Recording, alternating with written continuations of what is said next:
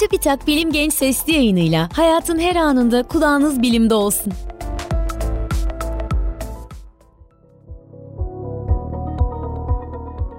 Merhaba, Bilim Genç Sesli yayınına hoş geldiniz. Ben Bahri Karaçay. Eşi benzeri görülmemiş bir eser ortaya koymak olarak tanımladığımız yaratıcılığın kaynağını ve yaratıcı beyinde neler olup bittiğini hiç merak ettiniz mi?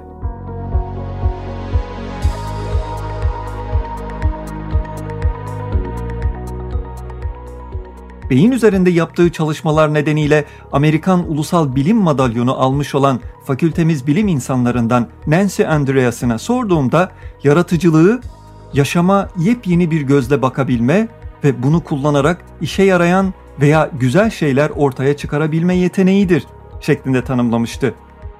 Bugünkü programımızda insan beyninin bu olağanüstü işlevi hakkında elde edilen son bulgulardan bahsedeceğiz.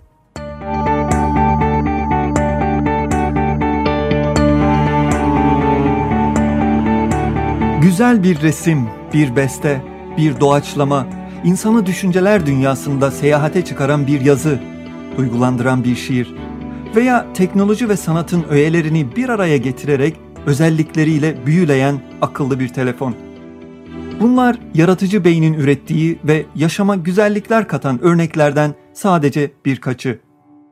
Yaratıcı beynin günlük yaşantımıza belki de en sık karşılaştığımız ürünü müzik. Müziğin değişik türlerinde görülen doğaçlamalar yaratıcılığın en etkileyici örneklerindendir. Hüsnü Şenlendirici'nin bir klarnet taksimi, Nurullah Akçayır'ın sazla bir uzun hava açışı veya Aşık Reyhani'den bir atışma müziğimizde görülen doğaçlama adını verdiğimiz yaratıcılığın etkileyici örneklerindendir. Batı müziğinde doğaçlama denince şüphesiz ilk akla gelen caz müziğidir. Bill Evans, Miles Davis, ve John Coltrane cazın devlerindendir ve doğaçlamalarını dinleyen herkesi hayran bırakırlar. Peki bunu nasıl yapıyorlar? Bu olağanüstü melodileri o anda nasıl ortaya çıkarabiliyorlar? Johns Hopkins Üniversitesi'nden Charles Lim ve Amerikan Ulusal Sağlık Enstitüsü'nden Alan Brown, caz müzisyenlerinin doğaçlama yaptıkları anda beyinlerinde ne olup bittiğini görüntülemek üzere yola çıkan iki bilim insanı. Lim ve Brown işlevsel manyetik görüntüleme olarak bilinen fMRI tekniğini kullanıyor. fMRI, denek belli bir işlevi yerine getirirken beyninin hangi bölgesinin etkenleştiğini gösteren bir teknoloji. Böylece beynin hangi bölümünün belli bir işlevden sorumlu olduğunu öğrenmemizi sağlıyor. fMRI'yi bilen veya görenler aletin müzik aleti çalmak için hiç de uygun olmadığını bilirler. Çünkü denek veya fMRI'ye çekilecek hasta vücudunun ancak sığabileceği bir darlıkta olan ve bir silindir şeklindeki kısmına yatar bir konumda yerleştirilir. Görüntünün kaliteli olması için deneyin kıpırdamaması gerekir. Lim ve Brown bu problemlerin üstesinden gelmek için fMRI içerisine aynalar yerleştiriyorlar. Deneyin dizüstü kısmına plastikten yapılmış bir piyano koyuyorlar.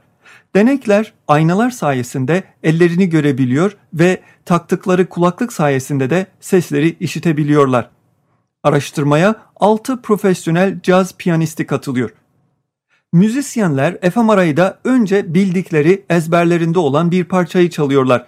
Daha sonra ise doğaçlama yapıyorlar. Onlar çalarken Lim ve Brown fMRI ile müzisyenlerin beyinlerini görüntülüyor.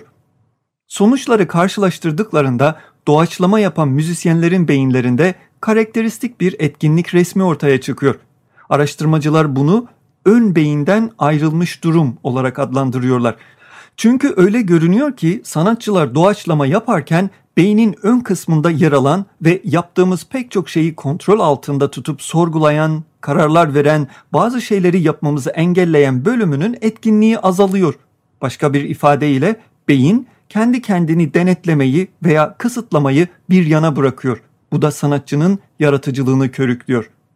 Benzer bir çalışmanın taksim veya açış yapan sanatçılarımızın veya aşıklarımızın beyinleri üzerinde de yapılmasını isterdim. Tahmin ediyorum onlardan da benzer sonuçlar elde edilecektir.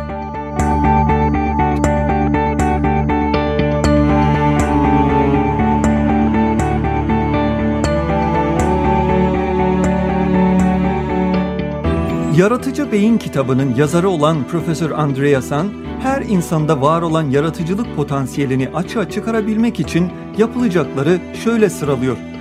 Kendinize daha önce hakkında hiçbir şey bilmediğiniz yeni bir alan seçin ve o konuda derinlemesine bilgi edinin.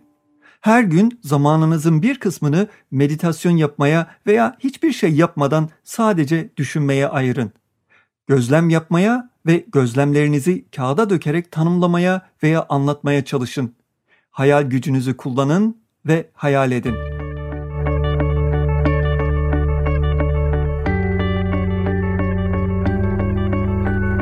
Böylece bir programın daha sonuna geldik.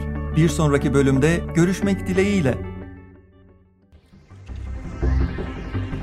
Bilim Genç sesli yayınlarını SoundCloud, Spotify, Google ve Apple Podcast kanallarımızdan takip edebilirsiniz.